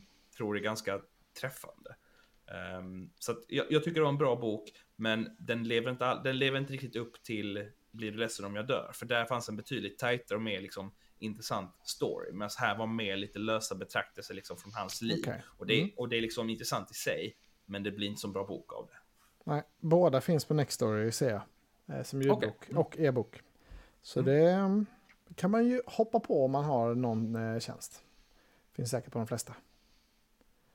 Eh, ja men eh, intressant, jag eh, blandade ihop den här lite med den här Jarden. Jag trodde det var den eh, författaren. inte Böden i Malmö? Eh, nej, så jag insåg, jag har inte, jag har inte alls läst den här, alltså blir du ledsen om jag dör. Så... What? Bästa bok förra året? Och ja, läst? nej men jag, jag, jag, trodde verkligen att jag hade gjort det. Men det, då ska jag inte uttala mig så starkt. Då får jag ta och läsa den istället. Han, jag lyssnade på hans, han, han släppte ett sommarprat för några år sedan också. Och jag lyssnade på när jag började läsa den här boken. Sen så skulle jag åka buss eller så jag kunde inte läsa då. Så då lyssnade jag på det sommarpratet under tiden. Och det är, alltså det är otroligt starkt tycker jag. Det är, jag stod liksom och lipade på bussen eh, i princip. Jag tycker, nej, läs, läs den boken. Den är väldigt, eh, väldigt läsvärd. Eh, då blir du ledsen om jag dör. Dagbok Mm, från 20-talet, not as much kanske. Mycket intressant. Eh, Bra tips. Ehm, Då ska jag ta min sista också. Eh, också en av årets böcker så att säga, när jag läste första delen. För jag har läst en bok som heter Fire and Song. Nu är det fantasy igen, eller sci fantasy. Det är del två i eh, serien eh, Stormweaver, kanske serien heter. Eh, Och jag tror första boken heter Iron, Iron Prince. Prince. Ja. Och den, jag tror den kom 2021 eller 2020 och när jag läste den så blev jag totalt golvad. Den är typ 1100 sidor. Jag kunde inte slita mig. Jag, läste, alltså jag kunde verkligen inte slita mig från telefonen när jag läste den. Och jag tyckte det var bland det fetaste jag hade läst. Eh, och nu har tvåan då äntligen kommit några år senare. Du har ju också läst ettan Sebbe, väl? Ja, men Jag läste den också på typ två, två dygn. Jag var på um, Gran Canaria och låg vid poolen och bara läste. Jag kunde inte sluta. Jag bara låg liksom som besatt. Det var inte... Ja, men den är helt sjuk. Det här är en så kallad progression eh, sci-fantasy. Det är lite samma genre som eh, He Who Fights With Monsters. Att det handlar då om en... Alltså huvudpersonen ska liksom progressera lite av eh, alltså tv-spelsaktigt, gå upp i level, bli starkare, klara sitt quest, klara sitt mål. Eh, och det här i, i eh, Iron Prince då så handlar det om eh, Raydon Ward. Raydon Ward, han eh, är liksom en utböling, han, har, han är, har inga föräldrar, föräldralös. Eh, och han har väldigt dålig rank då på sin power. Så man, kan, man, man kan säga att de mäter, de mäter sig i power. Det är de framtida värld där mänskligheten slåss mot eh, en alien i ett förlorande krig. Och för att rekrytera personal till militären så har de en slags gladiatortävling där. Där man kan komma in och tävla liksom för att ja, det är fett, det ger mycket tittare, då tycker folk det är kul och vill bli militärer. Um, och han då, Raydon, kommer in på en skola som utbildar de här gladiatorerna, trots att han inte alls har förutsättningarna för det egentligen. Uh, och så får man följa hans då jävlar anamma och hans resa mot att liksom eh, ja, bli, bli bäst kan man säga. Ehm, det, jag vet inte hur man ska sälja in det, men det är liksom ett helt sjukt driv och det är så mycket, man blir så tillfredsställd. För den liksom, det finns ett tydligt mål, man är så jävla sugen på att se att det ska hända. Eh, och sen så liksom går det, alltså det händer väldigt mycket, det går, det går snabbt framåt. Ehm. Ja, det är verkligen kul. Det är ju alltså verkligen så här från, alltså from zero to hero grejen liksom. Det är någon som jobbar Ja. hårt och så här, har, har dåliga förutsättningar men verkligen kämpar och så. Ja, det, det är ju alltid det är kul att läsa det. Också är det också lite grann så här, alltså coming of age story liksom. Man får följa med när huvudpersonen växer upp och det är mycket liksom vänskaper och sådär. Nej, Stäng Det- av.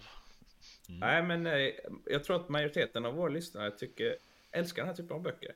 Det har Alltså, vi ju den här är- underlag för nu dessutom. Så att, eh, jag vill jättegärna läsa tvåan. Du har ju inte varit schysst nog att skicka Jag har inte supplyat dig med den, men du har ju Nej. din egna supply nu, har jag ju tänkt. Men eh, Biblioteket har tyvärr inte Iron Prince del Nej. 2 eh, än. Inte ens Bunkeflo. Nu fick vi Nej, nämnt. Bunkeflo också. Eh, Ja, det är dåligt. Vad vad är det här avsnittet. Bunkeflo-jingeln? Dra igång den. Men Jag har inte läst någon Bunkeflo-bok tyvärr. Nej, jag Jo! bara nämnde det bara för att det skulle komma in. Men Anton Ja. har ju lovat att skapa den här Bunkeflo-jingeln. Men det har inte blivit ja, vi får fortsätta jobba på det. Men eh, de här böckerna är ju typ tusen sidor långa båda två. Fire and Song är då andra delen. Och igen, alltså i första delen så liksom uppnås egentligen det man vill. Alltså när han kommer väldigt långt. Så det känns inte som att det finns jättemycket tydliga mål kvar. Kanske när, alltså när man kommer in här i andra delen, det är lite oklart så, okej, nu, nu då, så att säga, vad, vad, vad ska nu hända? Och det tycker jag man märker lite, det finns inte, det finns inte alls samma tydliga liksom, driv framåt riktigt. Eh, sen tycker jag, alltså det är en jätte, jag har haft jätte, jättekul att läsa den här, jag tycker det är en jättebra bok. Men det känns verkligen som typ så här, Fire and Song Part 1 eh, av kanske tre delar då. Det känns verkligen inte som att, alltså nu har berättelsen börjat, nu vet jag vad målet är, men det är liksom i nästa del, eller nästkommande delar, som jag kommer få payoffen, känns det som. Så det var inte, man blev inte riktigt lika så här tillfredsställd eller uppfylld av, att, av bara all episkhet som händer. Men den var skitfet. Jag tror, alltså jag har svårt att se om man börjar läsa den här, att man inte skulle, alltså gillar man fantasy, då, då kommer man gilla denna. Det är jag rätt så övertygad om. Det är en ett av mina säkra tips, så att säga. Mm. Ja, jag håller med. Det, jag ska läsa den snart. Ja, det får du göra. Det var lite kul att bryta av mot He Who Fights With Monsters också, för det är ju lite liknande då. Den här läste jag ju innan jag började med Shirta Loons eh, böcker. Så det, det var mycket gemensamt, men ändå rätt mycket som skiljer. Så det, ja, det är lite kul Nej. att läsa. Alltså det är ju mer, det känns som det är mer action i Iron Prince än vad det är i Shirt Loon. Det är ju lite mer Absolut. Blandat liksom. Men där är ju Ja. verkligen hela tiden bam, bam, bam, bam, bam. Alltså de slåss och de tränar och de har sig. Ja, det är väldigt mycket action, det är det. Det är inte mycket dödtid. Nej. Jaha, var det allt eller har du fler? Jag har ingen Nej, jag, jag hade min sista innan, Nesbø. Åh, Så jag är färdig. då ska vi välja nästa månads bok i så fall. Och det är jag som väljer till alla lyssnares glädje. Yes, och det är det så här. Att jag hade helt glömt bort att välja bok. Så jag eh, fick reda på det här för två timmar sedan och så tänkte jag så här, usch vad ska man gräva fram nu för någonting? Så jag gick in på min eh, mycket eh, up-to-date Goodread-sida och så tittade jag där lite på vad ligger på min läsningslista där som jag är sugen på. Mm. Och då upptäckte jag ju att jag har ju lagt till en bok där som jag inte har läst, som jag har varit sugen på och som jag tänker mig att ingen av er har läst heller. Eh, jag har pratat om den här författaren många gånger i podden tidigare. Jag har läst Moneyball, jag har läst Blindside, Big Short, Åh. Liars Poker, Flash Boys, Going Infinite pratade jag om förra avsnittet. Och då är det så att han har släppt en bok eh, som eh, heter The Premonition, A Pandemic Story. Som är en eh, typ investigation i hanteringen av Corona. Eh, lite olika personer som man får följa verkar det som som eh, har varit experter på detta och man får följa liksom utvecklingen av eh, coronaepidemin. Så jag tänkte så här att det kan vara ganska spännande och intressant att läsa ändå. Jag gillar ju Michael Lewis som författare så att eh, Det har vi förstått. där har ni vad hette den du läste senast? Eh, Fugi... Nej, vad fan hette den? The Fugitive, filmen The Fu- från 97. Going Infinite, Nej, just det. Going Infinite, ja med, eh, ha, vänta nu här.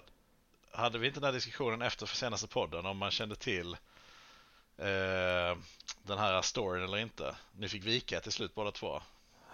Eh, ja, men Sam Bankman-Fried. Mm. Eh, ja, du har Ja, dig jag- namnet. vad sa du? Du har lärt dig namnet till och Jag har med. lärt mig namnet. Jag, alltså, jag är inte immun, immun mot att lära mig. Nej men jag sa att Anton svettades där, han kom inte ihåg. Ja, men det var ju Men, eh, framförallt förkortningen SBF som, som du menade var household. eh, eh, Det accepterar jag inte riktigt, men, eh, men absolut, det är ju en känd... ja, Vi, vi fick Ja. vika ner oss.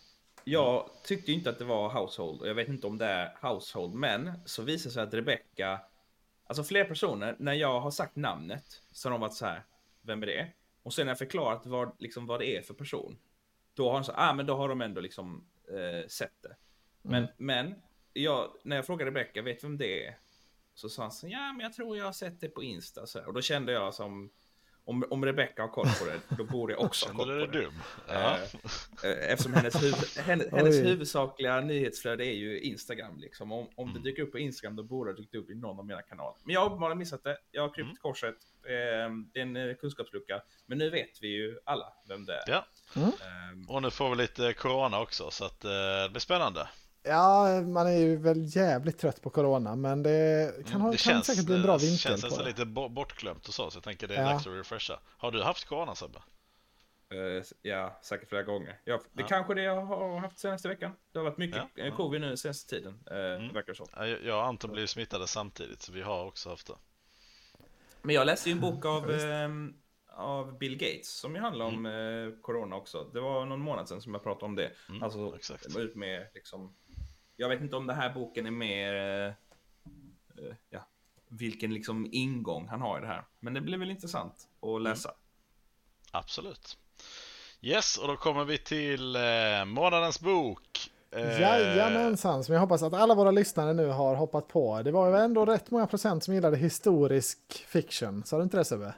Ja, 20 procent. Ja, Mm. ja men det är bra. Den här, och den fanns ju på Biblio och liknande. Det är ju då Salt to the Sea eller Tårar i havet av Ruta Sepetis. Eh, jag hoppas att ni har hunnit läsa klart den. Det var lite panikartat eh, förstår jag det som nu när vi snackade senast. Inga problem. Inga problem. Nej, jag har inte haft panik. Nej, nej Ja, det är bra. Snabbt. Ja, men det är bra. Eh, jag, det enda jag visste om boken när jag valde den förra veckan, det var ju egentligen då att jag hade läst att det var the single greatest eh, tragedy of maritime history. Och att det utspelade sig 1945. Så jag tänkte ju då, ja det är väl Då troligtvis var något med, ja, men det är troligtvis något med andra världskriget. Det kommer vara någon, alltså det liknas vid Titanic hade jag läst. Så det, det låter ju fett. Den tar vi. Och eh, den här boken då handlar om, man får egentligen följa fyra eller fem, ja det är nog ett En- par en karaktärer. grupp. Ja. En grupp karaktärer eh, som retirerar då 1945. Tyskland är i reträtt, ryssen kommer. Vi får följa två tyskar, en från Polen, en från Estland va? och ja, ett gäng som helt enkelt eh, flyr från ryssen. Deras väg tillbaka mot, mot Tyskland egentligen. Eh, evakueringen av ehm, ja, eh, Eh, efter invasionen där österut så evakuerar de tillbaka. Och det är ju då människoöden man får följa, det är det boken handlar om. Eh, och som man då har förstått av beskrivningen så, så tar de sig till en båt då, eller det, man fattar ju att ah, okay, någon, någonstans i det här kommer det vara, kommer det vara en båt som är, som är inblandad. Ehm, så det är väl eh, egentligen inte en super då, det utspelar sig under andra världskriget men det är ju ingen krigsbok riktigt, eller den, det är ingen, handlar inte om någon som, som krigar. Ehm, men vad tycker ni? krig Är det, Jo, jo, men det är en del krig. Men det är inte action kanske så att man får följa någon fet actionhjälte eller sådär. Eh, Men eh, jag vet inte vad ni eh, känner, kände om den här. Jag insåg att jag hade läst en bok eh, innan den här författaren. Insåg jag först efteråt. Men eh, eh, Okej, vilken då? den heter Between Shades of Grey. Eh, Det handlar, alltså det är väldigt liknande någon berättelse. Du tog fel, du skulle ta 50 Shades of Grey Ja, minns ja men det. den handlar om när ryssarna deporterar krigsfångar till Sibirien. Så det är lite liknande. Eh, ja, med ett gäng karaktärer man får följa. Mm. Vill du börja Ja, men- Sebbe, eller ska jag börja? Ja, Men börjar du. Jag misstänker vad du kommer tycka. Så. Eh, nej men alltså jag, jag vet inte, jag hade lite svårt att komma in i boken. Jag tyckte väl inte att den var så jättehet. Eh, jag hade... Jag vet inte. Jag, jag var bara kanske inte sugen på den men jag tyckte inte att den var så intressant. Utan jag kände mer liksom att, jag vet inte om det var att jag förväntade mig för att förra veckan när vi pratade om det så var det liksom andra världskriget, eh, båtar och, och det här biten. Och sen så så var jag liksom lite så här att jag väntade mer. Alltså jag var så här, ja men när kommer det? När kommer det? När kommer det? Mm. Och sen så var det så här bara, ja nu, nu liksom, nu får det hända någonting här. Nu får ni komma till eh, komma till det, liksom det feta, eller det som jag var intresserad av. Och då tappade jag lite fokus kanske på karaktärerna i början. För det var ju ganska mycket förklaringar och karaktärerna och det var det här med konsten och alla hade liksom sina stories och levde lite i olika eh, stadier av förnekelse lite med kriget också. Eh, eller ja, det var ju lite så här informationen fanns väl inte riktigt om hur det gick och vad som hade hänt och sånt. Men det var mycket rykten och spekulation och eh, hela den biten och sånt. Så att jag hade lite svårt att ta mig, ta mig an karaktärerna. Eh, och sen så eh, liksom gled den lite ut i sanden så jag kände lite så här, ja okej. Så efteråt så visste jag inte riktigt vad jag skulle tycka men jag tyckte väl kanske att det var något av en besvikelse. Jämfört med vad jag hade förväntat mig. Mm. Um, alltså jag fattar vad du menar. Jag tror man gör sig nog en otjänst om man går in i den här boken och tror att det ska handla om ett skeppsbrott. Mm. Så blir man nog lite besviken för att det är en väldigt liten del av boken som handlar om det. Alltså vad, är, Mm. vad var det? 15% kanske? Mm, Ja, max. mindre. Mindre. Ja, mindre. Ja. Jag, jag, 10%. jag, lyssnade, jag lyssnade på den. Eh, jag tror den var åtta timmar och de sista, alltså det, skeppsbrottet var väl när det var 30 minuter kvar. Mm. Så Det var, att, det eh, var, var väldigt kort. Så att, Ja. ehm, om man är intresserad av det så är det en ganska lång väg innan man kommer Mm. dit. jag tyckte eh. det, det bästa med boken var det som kom i, i slutet, alltså eftertexten typ. Okay. Alltså lite så här mer fakta och så här, vad som hände och ja, den biten. Det är alltid en highlight i den här typen av böcker, tycker jag också. Ehm, jag tyckte om boken generellt kan jag säga. Det, ehm, jag störde mig inte. Jag funderade också på när kommer hon till båten, eftersom jag visste att du skulle komma dit. Men jag, jag tyckte inte riktigt att det i sig var till, tillräckligt för att störa för att sabba boken för mig. Utan det fanns mycket i den som jag gillade. Jag tyckte att det var eh, karaktärerna, flera av dem var intressanta. Jag gillade Florian och Joanna, hon sjuksköterskan eh, och han eh, konsttjuven. Jag tyckte också det här, det var ju en karaktär som var lite speciell. Den här snubben som skrev imagina, imaginära brev till en, en ja. tjej då som han var intresserad Albert, av. Nej, vad heter han? Al, Al, ja, han hette nog Albert. Som jag tyckte var ganska, han som var kul. Och, för han var ju så sjukt liksom delusional på något sätt. Och han, ja, jag, jag tyckte han, det var en rolig karaktär. Um, så att jag, jag, tyckte nog ändå att, alltså, alltså även resan till båten och de här olika liksom, eh, point of view som man fick läsa om tyckte jag var intressanta. Jag, jag gillade karaktärerna eh, generellt. Um, sen, det jag ogillade mest med boken, faktiskt, och det kanske är för att jag har blivit, blivit, blivit blödig eh, liksom, eh, sen man fick barn och sådär, men det är att jag tyckte den var, alltså i vissa delar så var den lite för rå för min smak. Att jag, jag mådde liksom dåligt när, när man läste liksom ja, men liksom någon, någon bebis som bara slängdes ner från skeppet och träffade liksom kanten på relingen. Alltså, ja, liksom, var... jag, jag, jag, jag visste att du skulle nämna den uh, scenen. Alltså var liksom beskrivningar som lite grann så känt. Alltså ibland, det är liksom väldigt hemska beskrivningar som nästan hanteras på ett lite nonchalant sätt på något sätt. Alltså jag, jag, jag tyckte det blev lite så här. Uh, uh, jag, jag, ja, men jag tycker ändå att det är del av kriget liksom. Alltså del jo. av misären. Så att det, Jo, absolut. Men jag tyckte liksom, det blev... Att, att, det blir en vardag för de människorna som är ja. i den situationen. Jo, absolut. Och det har man väl förståelse för. Men, för. men för mig är det inte vardag. Och jag tyckte att Nej. det blev... eh, jag tyckte att det blev lite sådär... Nej, jag vet inte. Jag, jag gillar inte det. Det blir lite för mycket för min smak i vissa fall. Liksom. Sen så det är klart att man inte kan... Alltså att man inte inte ska beskriva den typen av saker. Men jag tyckte det blev lite för många sådana liksom, fall där det liksom någon bebis som bara slängdes till sin död. Typ. Alltså en gång, okej, okay, men måste man skriva det? Måste man skriva typ samma händelse fyra gånger? Alltså, be, ja, jag, jag tyckte det blev lite mycket. Och sen, sen också att, att de här historierna, alltså de olika point of views, de var väldigt korta. Vissa var mm. liksom, ett kapitel var typ en sida. Och på ja. sätt och vis så gillar jag det, för att det gör att liksom, det känns som att man kommer framåt, det händer någonting hela tiden. Men det gör kanske också att man inte riktigt liksom bottnar i karaktären. Att man, man lär inte känna dem liksom så mycket på djupet. Och det gör ju sen att när det händer någonting som ska väcka känslor så gör det kanske inte det liksom på, eh, på liksom ett så innerligt sätt för mig. Nej. Och när det då sen helt plötsligt händer något så här, alltså riktigt sjukt. Mm. Jag tycker det är lite svårt att hantera, för jag tyckte nästan att det liksom Ja, men jag, jag, håller med dig helt där. Alltså jag hade jättesvårt för, alltså för det hände ju vissa saker, det här med genom, när de gick genom isen och sånt. Så var det bara mm. så, jaha. Ja, ja, då går vi vidare i storyn liksom. Det var ingenting som man kände att det här var liksom jättehemskt. För det, det var liksom, jag hade ju väldigt svårt att ta mig till karaktärerna och komma in i dem. För att jag tyckte att det var lite mm. väl för kort med den biten. Man hade velat ha lite mer presenterad bakgrund direkt. För man fick ju bakgrund och vad de gjorde och sånt under tidens gång. Men man fick liksom inte någon eh, djupare förståelse för karaktärerna i början utan det var mer så här: okej, okay, här är vi, här är den, här är den, här är den, de är på väg hit, de är på väg att fly från kriget, de pratar lite rykten och sen under tiden så får man lite så här portionerat ut. Men i väntan på det här liksom som man väntar med liksom att vad man tror att det ska vara och vad man får så kände jag att jag tappade intresset ganska så snabbt. Eh, och sen så blev det mer en transportsträcka och så var det så här, okej okay, nu hände detta, det var hemskt, okej okay, vi går vidare till nästa. Det var ingen karaktär som jag fattade jättemycket tycke för och sen den här kärleksgrejen som kom sen, den irriterade mig mest liksom. Det var mer så här, ja, ja alltså mm. ta bort den biten, det behövs inte nu liksom. Det är inte det jag vill ha. Nej, jag håller med om det mesta vad ni säger. Jag tyckte det här var rätt så bra bok. Jag har läst i många, det här är en av mina bästa genrer, så jag har läst många liknande böcker, men eh, det jag tycker den här saknar, och det som det inte lyfter, det är att för jag, jag, tycker inte karaktärerna ska liksom inte vara de ska inte vara huvudnumret i, i den här typen av berättelser för mig. Utan det ska vara det historiska skeendet. Att, alltså det behöver vara mer intressant.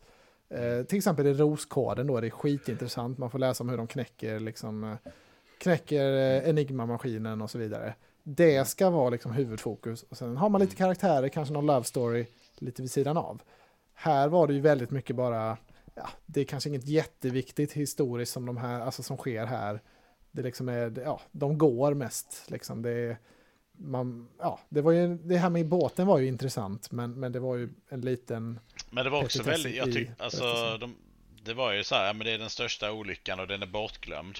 Mm. Men jag kände liksom, de highlightade inte den på ett sätt som gör att man kommer komma ihåg den i framtiden. Utan det var bara så här, ja ja, det, det skulle liksom, de skulle byggt upp det mycket mer tycker jag liksom med det här äh, fartyget och hela den här biten. För att om Mm. det nu, det finns ju en anledning till att det inte är så hypat och så känt kanske.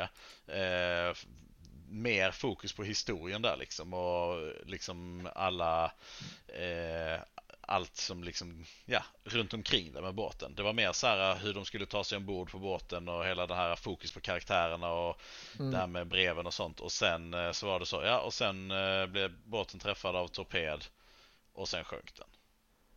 Ja, men jag håller med. Men eh, samtidigt var jag betydligt mer gripen av karaktärerna ändå. Jag tyckte det... Jag kom in i det snabbt. Jag tyckte det, jag var, var med hela vägen. Eh, ja, men ingen, ingen gigant i genren på något sätt. Men en, en trevlig bok tyckte jag. Ja, alltså just tanken att ta ett historiskt skeende som inte har belyst så väl Mm. och sen göra något bra, alltså intressant av det. Mm. Det köper jag, alltså det är ju ett jättebra koncept liksom. Men, men precis som du säger, eller ni båda är inne på, så blir det liksom inte...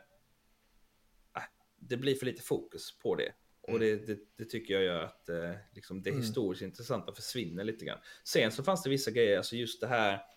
Det var väldigt intressant med en bok som både någonstans fokuserar på alltså, tyskarnas Exakt vad jag Eh, säga. liksom, eh, så, eh, liksom eh, tokigheter och elakhet och alltså, hemskhet och sånt. Men Mm. också på ryssarna och all liksom misär som kom i deras eh, liksom framfart där. För att i andra världskriget så tycker jag det är sällan det är så mycket fokus på Alltså på, på Ryssland. Alltså Ryssland är liksom en del av de goda där då eftersom de var på samma sida som, Mm. ehm, som, som väst.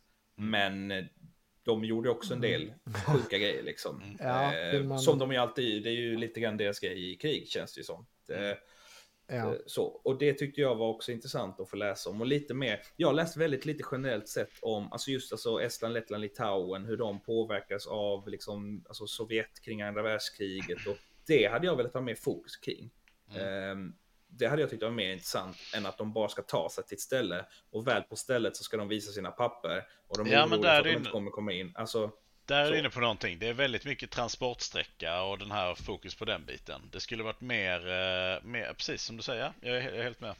Ja, jag håller verkligen helt med också. Eh, så det är lite missad boll där. Jag tycker också, det, jag brukar gilla väldigt mycket när det är en karaktär som vill gott. Alltså typ som Albert då, att han, han i sin hjärna tänker att ja, men jag, gör, liksom, det här är, jag är på den goda sidan, jag gör det här, det här är min motivering. Jag tycker det är kul att läsa liksom, och så ser man när det börjar spricka. Men här blev det, nästa, det blev lite karikatyr, det blev nästan lite väl med honom. Det var liksom inte subtilt på något sätt. Eh, så det var... Men det var lite Det- kul, det det, var ju mer kul så än att det var liksom en Ja, snygg precis. Det blev nästan lite comic relief på något sätt för att han Ja. var så uppenbart liksom tokig. Alltså det var ju så verkligen eh, alltså, urtypen av en incel på något sätt. Liksom, Ja. Eller så här, alltså white, white knight eh, liksom person som en, tror han är snäll och god och så här, men egentligen så är han riktigt sjuk. Och, och det var väl i sig, det här är ju en superspoiler nu, men när man fick, alltså man fick veta att han hade anmält sin Alltså han var ju den han var förälskad i, hennes familj, för att hon var halvjude liksom. Man bara, Ja. Men det var ju för hennes skull. Ja, hur, hur, hur trodde honom. du att det skulle sluta liksom? Nej. Det, Ja. Men det var, det var lite så fördummande i vissa situationer tyckte jag. Det var samma när de skulle ljuga för den här officeraren och sånt också. Det var lite så. Går han verkligen på det här? Alltså det är mycket sånt. Ja, Det är jag nästan lite så eh, rollspel. Jag rollar för övertala. ja Jag lyckades. lite. Eh, Ken Follett skriver mycket historiska eh, romaner, en av mina favoriter. Han är ju mästare på det här och vara mer subtil. Karaktärer som man, alltså, som man känner mycket för men som man märker längs vägens gång. Och shit, det här, han hamnar ju på fel sida nu. Eh, Det, kan, det är- en, liksom, en resa som jag brukar gilla jättemycket. Men eh, ja, blev inte riktigt så här. mm, Mm. ja. Nej, det är synd. Det fanns potential, men eh, levde väl inte riktigt upp till den. Nej. Det väl- Ändå, det var åtta timmar ljudbok, 200-300 sidor. Det var ändå värt det, tycker jag. Det var ingen Waterloo-haveri igen i alla fall. Nej, det är inte den sämsta boken vi läste i år. Det kan man väl konstatera. Nej. Eh, Vilken är den sämsta vi har läst i år? Ja, det beror nog på vem man frågar. Men eh, det kan vi väl ta om en månad, eh, lite det. drygt. Det kan vi nog göra. vi någon form av samlingsavsnitt. Mm. Jag vet inte om det är så med den här nya tjänsten Anton, att vi har en begränsning i hur mycket vi kan spela in. Det Annars är så- likadant här, absolut. Okej. Samma begränsning. Ja. Mm, vi löser det. Det får vi lösa. Vi ska bara öppna slussarna, pumpa ut fantasy-content nu den närmsta tiden. Eftersom nu vet vi att det är det våra äh, lyssnare vill ha. Ja, fan det Dina värmer mig så mycket. dina, dina hemliga omröstningar som inte når ut till alla. På Spotify. Alltså, Ja, men du, vi hade ju en eh, diskussion där om var lyssnarna finns. Det hade vi för ett halvår sedan eller Ja. någonting. Och det var ju inte Spotify som var dominerande. men jag tror nu för tiden är det det. Faktiskt. Ehm, min ambition är att nå ut till så många som möjligt. Även om du inte tror det så är det faktiskt det som är, Till dina det är, fans. det som är ambitionen. Mm. Ehm, Men jag tänker, alltså min spontana tanke är att fantasyfans är kanske lite mer benägna att vara, alltså, Som Spotify. nej men att, att vara, att gå in i en fandom, att liksom söka efter en bokpodcast kanske. Om man är en sån, ah, men jag gillar lite fackböcker, då kanske man är så, ah, det är, man, det, man kanske inte ser det som en, en stor del av sig själv, att man, är, att man identifierar sig som en läsare. Det gör man kanske mer som ett fantasyfan, tänker jag. Att det är lite mer av en identitet. Eh, jag får pudla. Så de senaste 90 dagarna så har 38,5% av våra lyssnare lyssnat på Apple Podcast. Eh, och 37,8 lyssnar på Spotify. Så att det Ah. kan vara Exakt. så att alla, alla som eh, gillar annat än fantasy lyssnar kanske inte på Spotify. Trist. Nej. Men eh, vill man Det- göra det sin röst vi. hörd så är det på Spotify man ska in. Ehm, så är det. Eller vår Facebookgrupp där det sker mycket diskussioner. Eh, Ja, kom gärna in ja, där. ibland. Mm. ibland. Ehm, men det kanske var allt för idag. Jag tror det. tänker jag. Tack för idag.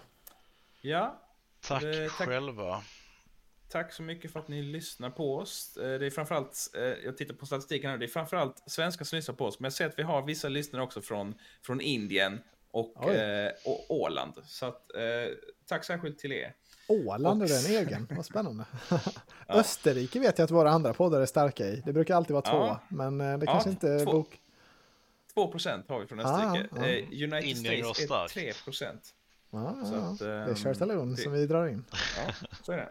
Men med den lilla utvikningen så tackar vi för idag och så hörs vi om en månad.